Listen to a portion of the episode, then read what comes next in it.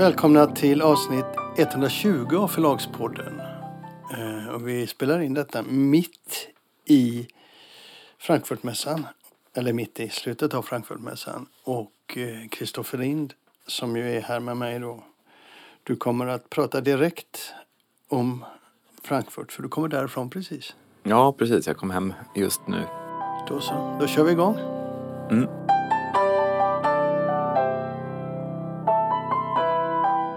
Och då börjar vi med Frankfurt. Du var en av få svenskar i Frankfurt. Så jag hoppas att du har en bra historia att berätta. Nej, jag har faktiskt ingen bra historia. Det var lite andra svenskar där men på förlagssidan så tror jag bara det var Tokan förlaget över Lind Company som var där. Sen stötte jag på några agenter men i övrigt så var det ju inga alls. Nej, du la ju ut en del bilder på Facebook mm. och eh, de var rätt tomma på folk. Mm. En bra värdemätare på det, det är ju eh, de här stora festplatserna. Eh, Frankfurter Hof och vad heter den som amerikanerna oftast gillar? Hessischer Hof. Eh, Hessischer Hof, ja. Och de är ju alltid, alltid knökfulla. Man, eh, det kan ju ta en timme att gå fram och beställa ett glas vin.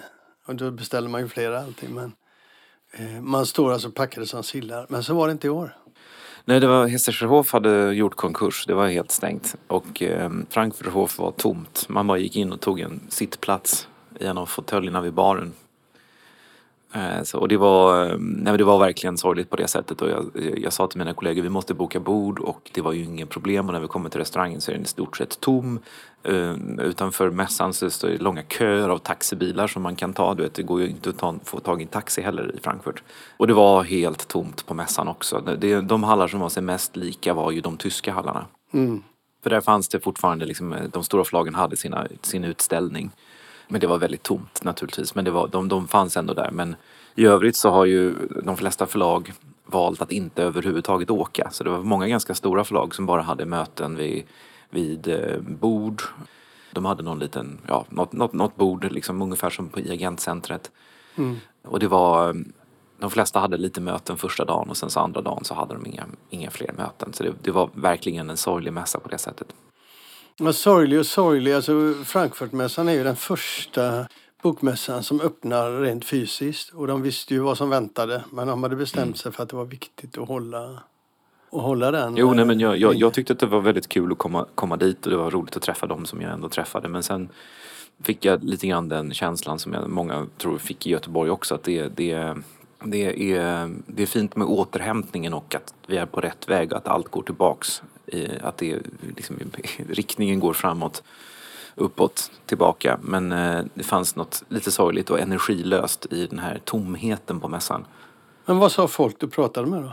Ja, det, det var just det att man pratar inte med så mycket folk som man brukar Men du åkte ju dit för Nej. att prata med folk. Nej, men det fanns ju ingen att prata med riktigt. Nej, men alla som var där, som, de sa ju åh det är så kul att vara här och, och sådär. Men, men eh, det kändes lite tillkämpat. Mm. Du fick ju frågan på Facebook då om, om eh, det fanns en fara att, att eh, Frankfurtmässan skulle läggas ner och då svarade du på den frågan. Mm, ja, jag skrev att det har varit bokmässa i Frankfurt sedan 1300-talet så det tror jag är en ganska liten risk. Ja, jag tror att det är ingen risk för det här står hela samhället bakom. Så att. Mm. Men eh, det hände ju saker ändå på, på mässan trots att du inte upplevde så mycket på plats. Det är ett par saker som jag tycker vi ändå ska prata om. I år igen var det en sån där eh, yttrandefrihetsaspekt på mässan då tre författare hoppade av. Du fick inte med dig det när du var på själva mässan va? Nej men det är ju typiskt en sån här grej som när man går på mässan så, så är det ju inte någonting som någon talar om och det är ju inte någonting som man uppmärksammar utan man har ju bråttom och stressar mellan sina möten och eh, försöker hitta böcker och så vidare och pratar om böcker. Så det där är ju, det är ju precis som bokmässan i Göteborg. Det är alltid flera mässor som, som eh, Pågår samtidigt. Pågår, pågår samtidigt. Här handlar det ju om tre stycken författare som hoppade av för att en eh, extrem, högerextrem och väldigt extrem organisation fick ställa ut. Återigen så kom då frågan om yttrandefriheten upp och man höll då eh, i den frågan som man gjort de senaste åren. Man pratar om detta och pekar på att i Tyskland är det så att Frankfurtmässan får inte lov att stoppa någon som följer lagen och det gör den här organisationen. Utan det är en upp till eh, domstolarna att göra det. Men det var en liten, liten grej med tanke på vad som varit, tidigare. Men den där, du, du gjorde ju en stor, uppmärksammade ju detta stort när, när du var på mässan för två år sedan. Ja, just det. Jag bara och, konstaterat att det, det här är ju, det här, kommer ju, det här är ju en, en typ av konflikt och frågeställningar som vi kommer få leva med och det kommer säkert fortsätta i all evighet. Inte all evighet, men det kommer att fortsätta så som världen ser ut. Men jag tycker att eh, Frankfurtmässan hanterar det väldigt bra och väldigt tydligt och väldigt synligt. Eh, och jag gillar det.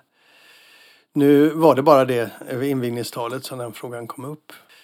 Men det är ett par saker till som jag tycker man ska ta upp som hände i Frankfurt. Och man har alltid ett par sådana här högprofilerade programpunkter. Och en är att man intervjuar någon av de stora förlagens ledare som får ge sin syn på tillståndet i världen och i, i branschen så att säga. Och I år var det en intervju med Marcus Dool, tysken som är chef för Penguin Random House i USA. Och som väl får sägas vara den tyngste utav alla representanter för bokbranschen internationellt.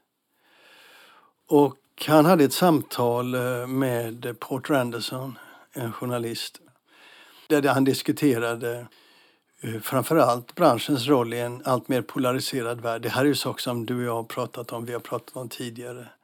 Men han fokuserar väldigt hårt vid eh, bokbranschens betydelse just nu när allting polariseras och när folk i väldigt, väldigt stor utsträckning använder sociala medier som sin enda eh, eh, vad heter det, nyhetskälla och faktakälla. Då blir böcker och de långa berättelserna, de långa sammanhangen och fakta, de blir så mycket viktigare. Och där menar han ju att där, är, där ser man ju väldigt tydligt bokbranschens betydelse. Jag vet att du är trött på sådana här saker och det här är ju sånt som pratas på alla sådana här större tillst internationella tillställningar. Men just nu så kändes det som en rätt viktig påminnelse. Den som vill kan gå in och hitta detta på Youtube. Jag är inte trött på det och det, det, det, stämmer ju och det är sant men det, det är typiska sådana här lovtalsteman. Ja. När de inte kommer i sådana här tider då undrar man när ska de fan komma då? Så jag tycker ja, att det är bra. Är i och för sig sant. Ja. Det som var lite intressantare då, eh, sett med svenska ögon, var det att han tog upp, du vet att Penguin Random House har köpt Simon Schuster, alltså den femte största förlagskoncernen mm. i USA. Och PRH då, Penguin Random House, är den största. Och de kommer att svälja en av sina större konkurrenter och de har fått mycket, mycket påskrivet för den här affären som fortfarande ligger för godkännande på konkurrensmyndigheterna i USA. Men han sa det att Penguin Random House kommer att lämna Simon Schuster att styras självständigt så som det är nu. Och de kommer att konkurrera fullt ut när det gäller eh, författare och, och, och böcker och sånt. Va? Det är en sån eh, linje som Bonniers hade en gång att de, förlagen internt fick lov att konkurrera. Det får de inte längre. Va? Men han ser det som en otroligt viktig sak för han pekade på det. Det finns inga skalfördelar i bokbranschen, sa han på det sättet. Det är en bok i taget. Och du måste satsa på subkulturer. Alltså varje imprint har sin egen kultur, varje förlag har sin egen kultur och du måste satsa på den och du måste mm. stödja det kreativa arbetet. Men det, är, det är klart att det kan finnas eh, stordriftsfördelar men inte på den stora nivån. När två Nej. så gigantiska förlag går ihop så finns det inte så mycket Nej, alltså det finns ju på, på eh, backoffice-sidan men när det gäller kreativa arbete så kommer vi att konkurrera. Och det måste vi göra. Var, varje förlag måste satsa på sin egen kreativitet och sin egen interna förlagskultur. Annars så går det åt skogen. Och det där tyckte jag, eh, det var inte så van att höra från den typen av människor. Men jag tyckte det var roligt, för det stämmer ju. I min värld stämmer det. Men jag är ju idealist då. Mm. Mm. Något mer då från, eh, från eh, Frankfurt nu när du har fått sova på sakerna? Du har redan sagt nej till det, men om du kommer ihåg något speciellt så ta upp det nu. Nej, men eh, det, det, som jag sa, jag har träffat ganska lite folk trots att jag varit där och det har varit tomt och öde och det har varit lite energilöst. Men att åka dit i sig var roligt. Och att andas Frankfurtluften och titta ut över den här sönderbombade uppbyggda staden var kul. Och jag tror att eh, man ska inte underskatta kraften i att allt kommer bli som vanligt igen. Det, det, det, är liksom, tror jag är en slutsats man, man har med sig och det gäller ju Göteborg också att eh, viljan att ses och tröttheten på digitala möten är enorm. Mm. Och så fort som vi liksom kan hantera pandemin, vilket vi ju faktiskt kan just nu eh, med vaccinen och sånt, så kommer ju, kommer ju, jag tror att Frankfurt nästa år kommer vara precis som vanligt. Om det inte uppstår någon enorm supermutation som drar oss tillbaks till, till eh, mars, april förra året. Mm. Ska vi släppa Frankfurt med det?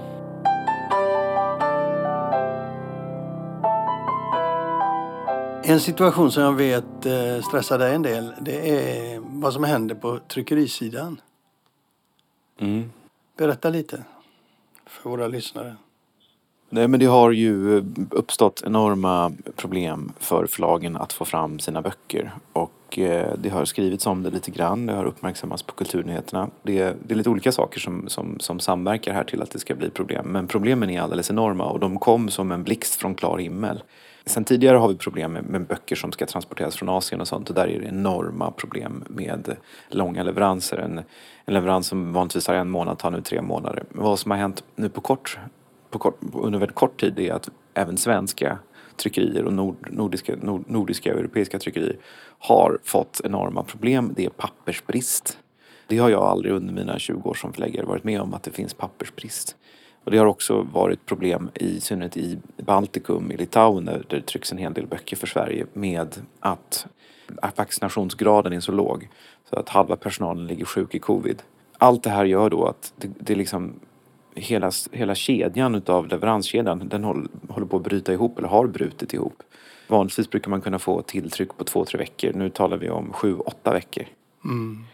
Och det gör ju att det kommer, om det här inte rättas till, och det verkar ju inte göras, så kommer det vara massor av böcker som faktiskt är slut i julhandeln. Du hade ett problem med en av dina stora marknadsföringssatsningar eh, eh, alldeles nyligen. Vi har haft problem med flera titlar men den som har, den som har, den som har orsakat mest problem är väl kanske Tove Alsterdals Lukoll. Nu fick vi den i sista stund men eh, den, den, den var kraftigt försenad. Ja, jag, jag eh, ringde runt och pratade med andra förlag och det är samma sak där. Men jag ringde också till Skambok som är det tryckeriet som finns i Sverige. Och pratade med platschefen där, Av Linder. Och det var rätt intressant. Sett ur hans perspektiv, vad är det som händer? Vad sa han då? Först sa han det självklart så att den här krisen handlar inte bara om den grafiska branschen. branschen. Det handlar om bilindustri, matindustri, vilken bransch som helst. Alla drabbas här hårt, sa han. En skillnad där är ju att liksom, det är inte direkt halvledare som behövs på Skambok utan det är ju papper. Mm. Var tillverkas papper? Jo, det tillverkas i Norden. Har vi, har vi ont om träd här? Nej. Exakt, det säger han också. Det är, inte, det är ingen brist på råvaror och pappersmassa. Men det är en total överbelastning i hela Europa, säger han då. Det här är en situation som utspelar sig på alla plan, hos alla inblandade. Och då pratar vi alltså massafabriker, pappersleverantörer, tryckerier, han sa det att jag har, jag har en, en transport så jag ringer och beställer chaufför. Sen kommer ingen chaufför och när jag ringer och frågar företaget och säger nej vi har inga chaufförer säger de då. Och sen kostnaderna, kostnadsmassan som ökar lavinartat.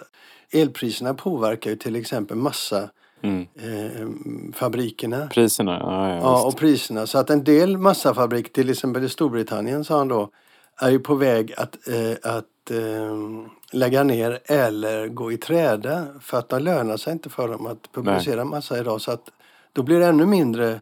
Och Kvarnsvedens massafabrik la ju ner alldeles nyligen. Va?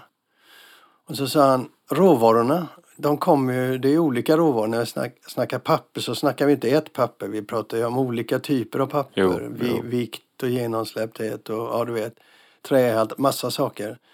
Så en del papperskvaliteter finns, andra finns inte. Och personalen sa, vi kör ju 24, vi kör ju dygnet runt nu. I högsäsong så kör vi med ett extra skift. Men då har vi eh, lite vila. Men nu fyller vi all tid. Personal går på knäna och, och maskinerna de belastas ju stenhårt, sa han. Men så ser det ut över hela Europa. Ingenting trycks eller produceras, säger han, i Kina och Asien för marknaden i USA och Europa idag. Så amerikanska förlag de har flyttat över stora delar av sina tryckordrar till framförallt fyrfärg då, till Europa. Du frågade mig tidigare vad som var den stora grejen i Frankfurt. Det här var faktiskt en grej. Vi satt på möten efter möten och klagade på, på problem med, med, med leveranser och sånt. Och det, det är väl en positiv sak med det här. Det är, att jag tror att man kommer flytta väldigt mycket av den tryckkapacitet som finns i Kina eh, Asien till Europa. Ja. Man har ju inte gjort det tidigare så just nu finns ju inte kapaciteten i Europa. Och det där gäller ju även Sverige. att det, det, när jag började med mitt lilla förlag för över 20 år sedan så fanns det ju massor av tryckerier man kunde trycka på. De största mm. som, tryckte, som tryckte pappers, eller alltså, vad säger man, textböcker, eh, skönlitteratur och, och fackböcker utan illustrationer. Det var ju Skambok mm. i Falun och sen så var det ju Bokkväll i Borgå och de tryckte väldigt mycket. Utöver dem så fanns det massor av andra. Under tryckte offset och linnetrådade så fanns det en uppsjö av alternativ. Men idag finns ju bara Skambok i hela Skandinavien. Nej, nej han, han gick igenom det med mig. Jag har ju följt den där utvecklingen och han kallade det, det har varit en brutal utslagning av tryckerier i Europa de senaste 20 åren. Och prispressen från förlagen har varit enorm. Jag har ju gjort en hel del jobb på det när jag satt på Svensk Bokhandel bland annat. I Norge hade de ju tre stora tryckerier. Mm. I, Dam I Danmark hade de flera. Men idag finns alltså inget tryckeri i Norge, Skambok i Sverige, ett i Finland eh, och det är väl ägt utav ett förlag tror jag. Alltså jag vet inte vilket, jag vet inte vilket tryckeri det är i Finland. Alltså klart det finns något tryckeri i Finland men ja. VS Bokväll, alltså det här gamla äh, tryckeriet i Borgå som tryckte så otroligt mycket av de svenska textböckerna. Det har gjort konkurs sedan ja. länge och det ja. finns säkert, det, kanske, det har kanske återuppstått i någon ny version men de, de har ingen riktig kapacitet längre. Nej. Och så finns ju då eh, per, i Danmark. Per Nöraven i Danmark men det är väldigt mycket pocket då va? Ja det är i första hand pocket. Mm. Så all, en stor del av svensk tryck kapacitet ligger ju nu, eller beställningar ligger nu i Litauen och Lettland. Skambok har ju ett eget tryckeri i Lettland och de trycker fyrfärg men även eh, hårdband och så. Och där hade de ju en covid-situation. De hade 15 pers för några veckor sedan som var utslagna. Mm. Och i Litauen som har jättemånga tryckerier som servar den svenska marknaden. Där gick man precis ner i, i, i total eh, Lockdown. Ja. Lockdown för covid i en månad. Mm. Och det kommer att påverka. Och i både Estland och Lettland så är det nu på väg att bli liknande situationen. Jag, jag, jag blir inte förvånad om det blir lagt, lockdown i, i Lettland till exempel. En annan sak som man får tänka på då det är ju att från Skamboks sida så har man ju leverantörer.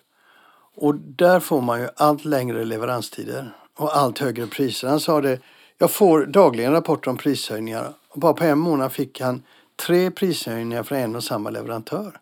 Så liksom, det, inga spelregler gäller längre. Va? Och han vet ju det att, att nyår så kommer det kraftiga prishöjningar. Och jag frågar hur länge kommer det här att på, pågå? Så ja, alltså tittar du vad vi säger i branschen så nästa år kommer det pågå också. Det här ser inte ut att ta slut.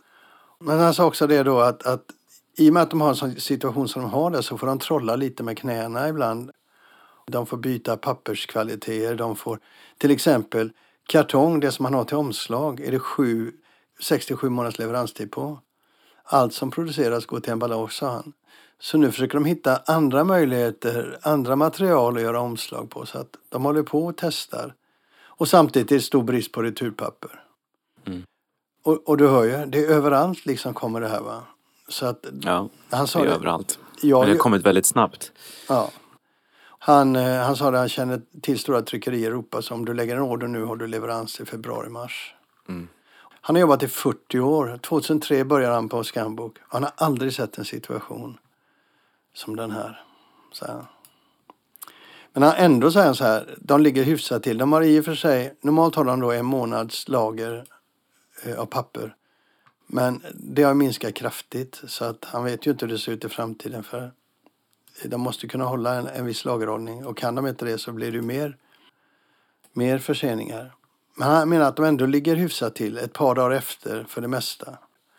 Jag vet inte om du har fått det meddelandet från dem. De har precis meddelat sina kunder att de, kunderna får utgå från att tre dagars försening anses, får anses vara normalt just nu så de kommer inte att meddela en sån sak utan blir det tre dagars försening så får det ses som normalt. Jo, nu är det bara så att det har inte varit tre dagars försening, det har varit tre veckors försening. Ja. Men han säger också det, vi har det tufft men förlag och bokhandel har det ännu tuffare, det inser jag, sa han.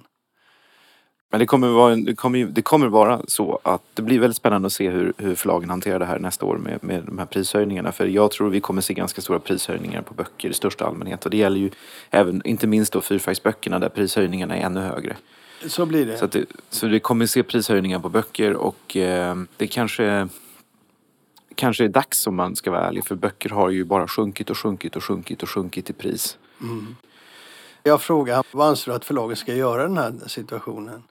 Och då hade han tre punkter som han tycker är viktiga att tänka på. De är ju rätt självklara men ändå. Beställ i god tid. Leverera specifikationer så tidigt som möjligt. Alltså exakt vilken typ av papper, ja du vet allt det där. Mm. Eh, man får göra det mycket tidigare än man har gjort förut. Och så den tredje frågan då är ju en sån som du funderar på. Lägg inte releaseaktiviteter och marknadsföring tätt in på beräknad leverans. Nu krävs det luft i planeringen så att man kan parera förseningar som mer eller mindre kommer att bli standard, säger han. Så citerar han, vi skulle göra boken imorgon. Det funkar inte så längre, säger han. Så att eh, man får ha eh, en helt annan typ av planering det närmsta året tror jag. Och han slutade med vi ligger hyfsat till, ännu ingen katastrof. Men som sagt, det här är ju internationellt. Eh, jag vet inte om du såg den artikeln i Publishers Weekly som tog upp de här frågorna. Där, där har de ett litet annat problem. Alltså de stora aktörerna, Amazon, citat, överbeställer. Ja, jag Alltså- såg det. Det är förfärligt. Ja. För att de ska lig- ligga på lager då så att de har böckerna och sen så skickar de ändå tillbaka dem om de inte behöver dem. Ja, alltså de, de är så stora så de kan göra precis som de vill. Så för att skydda sig själva så beställer de mer böcker än normalt. Mycket mer böcker än normalt. Vilket betyder att när du inte kan trycka så mycket böcker så betyder det att de mindre boklådorna, indie- indieboklådorna får svårt att få fram de här titlarna samtidigt som de räknar med troligen stora berg av returer efter jul. Så där, den diskussionen har man ju eh, i USA framförallt. Och det olyckliga är ju också att det är eller olyckligt vet jag inte, tur, som tur kanske man ska säga så har ju då den digitala försäljningen vuxit sig så stark så att väldigt många, många författare och förlag hamnar inte helt i kläm utan det kommer finnas digitala utgåvor som man kan köpa istället. Ja, just det. Ja, det handlar ju lite grann om hur, hur förlagen marknadsför sina titlar. De finns ju som e-böcker också. Så det ska bli intressant att se om det eh, händer någonting där under jul. Jag har svårt att Men det tro kommer, nog, det kommer nog vara många bästsäljare i julhandeln som inte faktiskt finns. Och det, det är ju något nytt. Mm. behöver ju inte betyda att, att julhandeln blir sämre bara för att en del bästsäljare inte finns. Det är klart att det behövs dragare men, men eh, man kan ju hoppas att folk upptäcker andra författarskap eller köper andra böcker. Att boken i sig inte liksom, man behöver inte köpa mindre böcker bara för att vissa böcker inte finns. Det finns ju väldigt mycket böcker att köpa. Mm.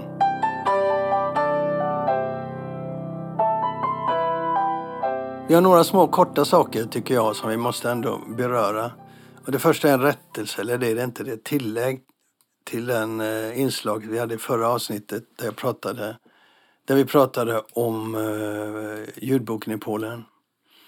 Och då kanske vi skulle ha sagt det, att svenska Bookbeat finns i Polen eh, sedan ett år tillbaka. Och de, ville, de, de blev lite sura när inte det nämndes, så de hörde av sig. Vilket är bra. Då vet vi att de lyssnar. Och de ville ha sagt att de växer, men det tyckte jag var lite barnsligt. Det skrattade jag lite åt. Det är klart de växer, annars är det ju katastrof. De vill Nej, inte, de, har vuxit ganska, de har vuxit ganska mycket på väldigt kort tid. Så ja, men de vill ju inte säga hur mycket de växer, så jag tänker inte bara sitta här och göra reklam för det. Men du vet eftersom du, dina böcker går den vägen. Så att du Mm. säger det. Men ett par andra grejer. Det är ju nomineringstider. Augustpriset och Deckarakademin. Har vi synpunkter på det? Eh, nej, jag har inga synpunkter. Det är ju alltid, jag menar, det är ju alltid någon, någon, det alltid, finns alltid några böcker som man saknar, som man tycker borde varit med. Eh, och det finns böcker som man är lite förvånad över att de ska vara med. Men så ska det ju vara. Men jag skulle vilja säga någonting om Svenska Deckarakademins eh, nomineringar. Mm. De nominerar ju fem titlar på svenska författare och sen fem titlar med översatt. Och vi har ju pratat om det tidigare men det är så otroligt markant. De stora förlagen har ju liksom mer eller mindre övergivit den översatta deckaren. De, man kan se att de har en del men det är mest, det är mest de här gamla eh, storsäljarna. Du vet eh, Arnaldur Indridason och Michael Mm. Connelly. Så. Men de är inte så fräscha när det gäller nya grejer. Så när man tittar på eh, de fem nominerade översatta titlarna så är det alltså en kommer från Bokfabriken. En kommer från Hoj och där ska man nog lyfta på ögonbrynen lite grann. Jag har inte eh, hunnit med att snacka med Hoy men det där är ju anmärkningsvärt att de hittar, eh, börjar ge ut översatta titlar. Det betyder att de förändrar mm. sin verksamhet lite grann. Det är intressant att och sen, se. Och sen är det Louise Bäckelin, Norstedts och Nona. Just det. Och, och eh, Norstedts är just Arnaldo Rinridarsson som ju varit nominerad flera gånger tidigare. Men alltså fyra av fem är små förlag och riktigt små förlag, en del av dem. Det som är intressant här är ju att Hoyer ut kanadensaren Giles Blunt. Den sista boken i en serie där Bonniers har gett ut fyra eller fem tidigare men slutat. Det är lite intressant. Men det här är inte alls konstigt. Det finns en mycket enkel förklaring till det här. Mm. Och den vet ju du. Mm.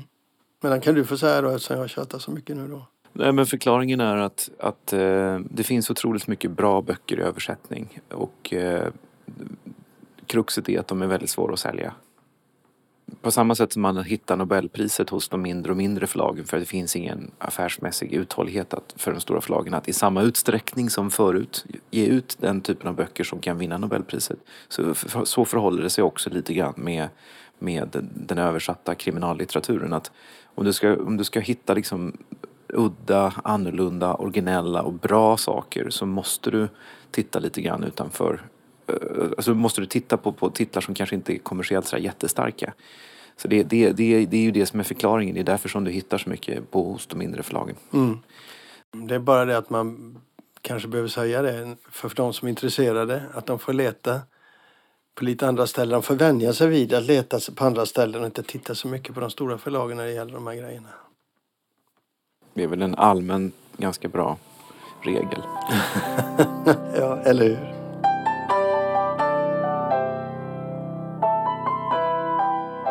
En annan lite sorglig historia.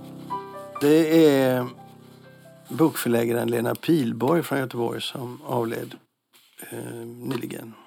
79 år gammal. Mm. Varför man, vi brukar inte ta upp den typen av saker men Lena var ju förläggare eh, med sin man Göran Pilborg som dog 1900, eh, nej, 2013. Var det inte så att han, han, han var bokhandlare i grunden och sen så började hon ge ut böcker som mycket göteborgiana och sånt som såldes i bok. De, tre, tre böcker hette hans boklådor. Ja, ja, deras. Hon var ju med där. De gjorde det tillsammans. Och sen så startade hon förlaget och drev det medan han drev bokhandeln mest. Förlaget startade 84 och hon har gett ut inte bara mycket göteborgiana, för det har hon gjort. Uh, hon gav ut Björn Hellberg. Någon som du mm, känner? Jag, vet, jag minns det. Ja. Hon gav ut Kent Andersson och bröderna Birro. Hon gav också ut uh, Åke Edvardsson och Sven Westerberg, deras uh, Åkes första tror jag deckare. Och Sven Westerberg, alltså, hon gav ut en deckarserie, en, en serie med deckare också. Så att hon försökte.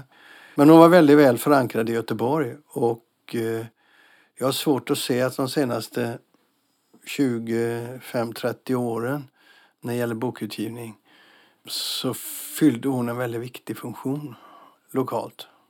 Och det märktes.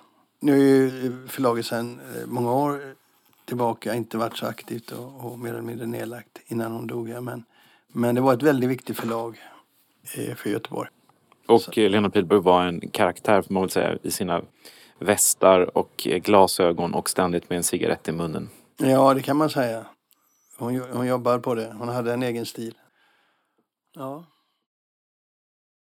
Håller det tror du? Ja, det tror jag. Jag tycker man kan lyfta upp folk som är lite bortglömda. Det är ingen som, det är många, de flesta som lyssnar på Förlagspodden vet inte vem Lena Pilborg är och jag håller med dig. Det är liksom, hon är, det är, det är, hon, de där gamla förläggarna kan man lyfta upp. Ja. Jag, kom, jag kommer ihåg, jag träffade henne första gången. Det var på, eh, Eh, jag bodde på ett hotell som ligger i eh, Örgryte, där Hotell Örgryte hette det, tillsammans med Peter Parsons som var säljare. Vi skulle åka upp och sälja böcker till Boka tror jag i Kungälv. Eh, och då träffade vi Lena Pilborg där och hon hade massa böcker med sig i bagageluckan på sin bil. Bland annat så hade hon Björn Hellberg. Och jag var väldigt imponerad över henne. Jag tyckte hon var liksom, hon, hon hade ett stort förlag i mina, i mina ögon. Och Björn Hellberg, jag minns inte vad siffrorna låg på nu, men det var så enorma nivåer. Och då så sa hon så här att ja, när jag lägger ner mitt flagg sen så kan ju du ta över Björn. så blev det ju också, fast inte alls på det sätt som hon hade tänkt sig. Det var ju trevligt. Mm, det var fint sagt.